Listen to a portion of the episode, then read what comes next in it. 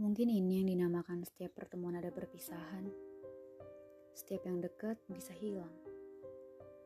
Aku sekarang kayak gak kenal lagi sama kamu. Aku ngerasa kita jauh. Bahkan terlalu jauh. Aku gak tahu hal apa yang bikin kita jauh. Karena semua terjadi secara tiba-tiba. Dan sekarang kita kayak orang asing. Kayak orang gak kenal. Kayak sebelumnya tuh aku gak pernah kenal kamu kamu gak pernah kenal aku.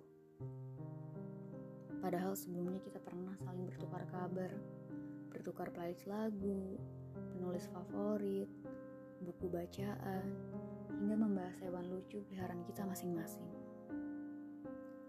Dan pada saat itu, denganmu terasa begitu dekat sampai tak berserat.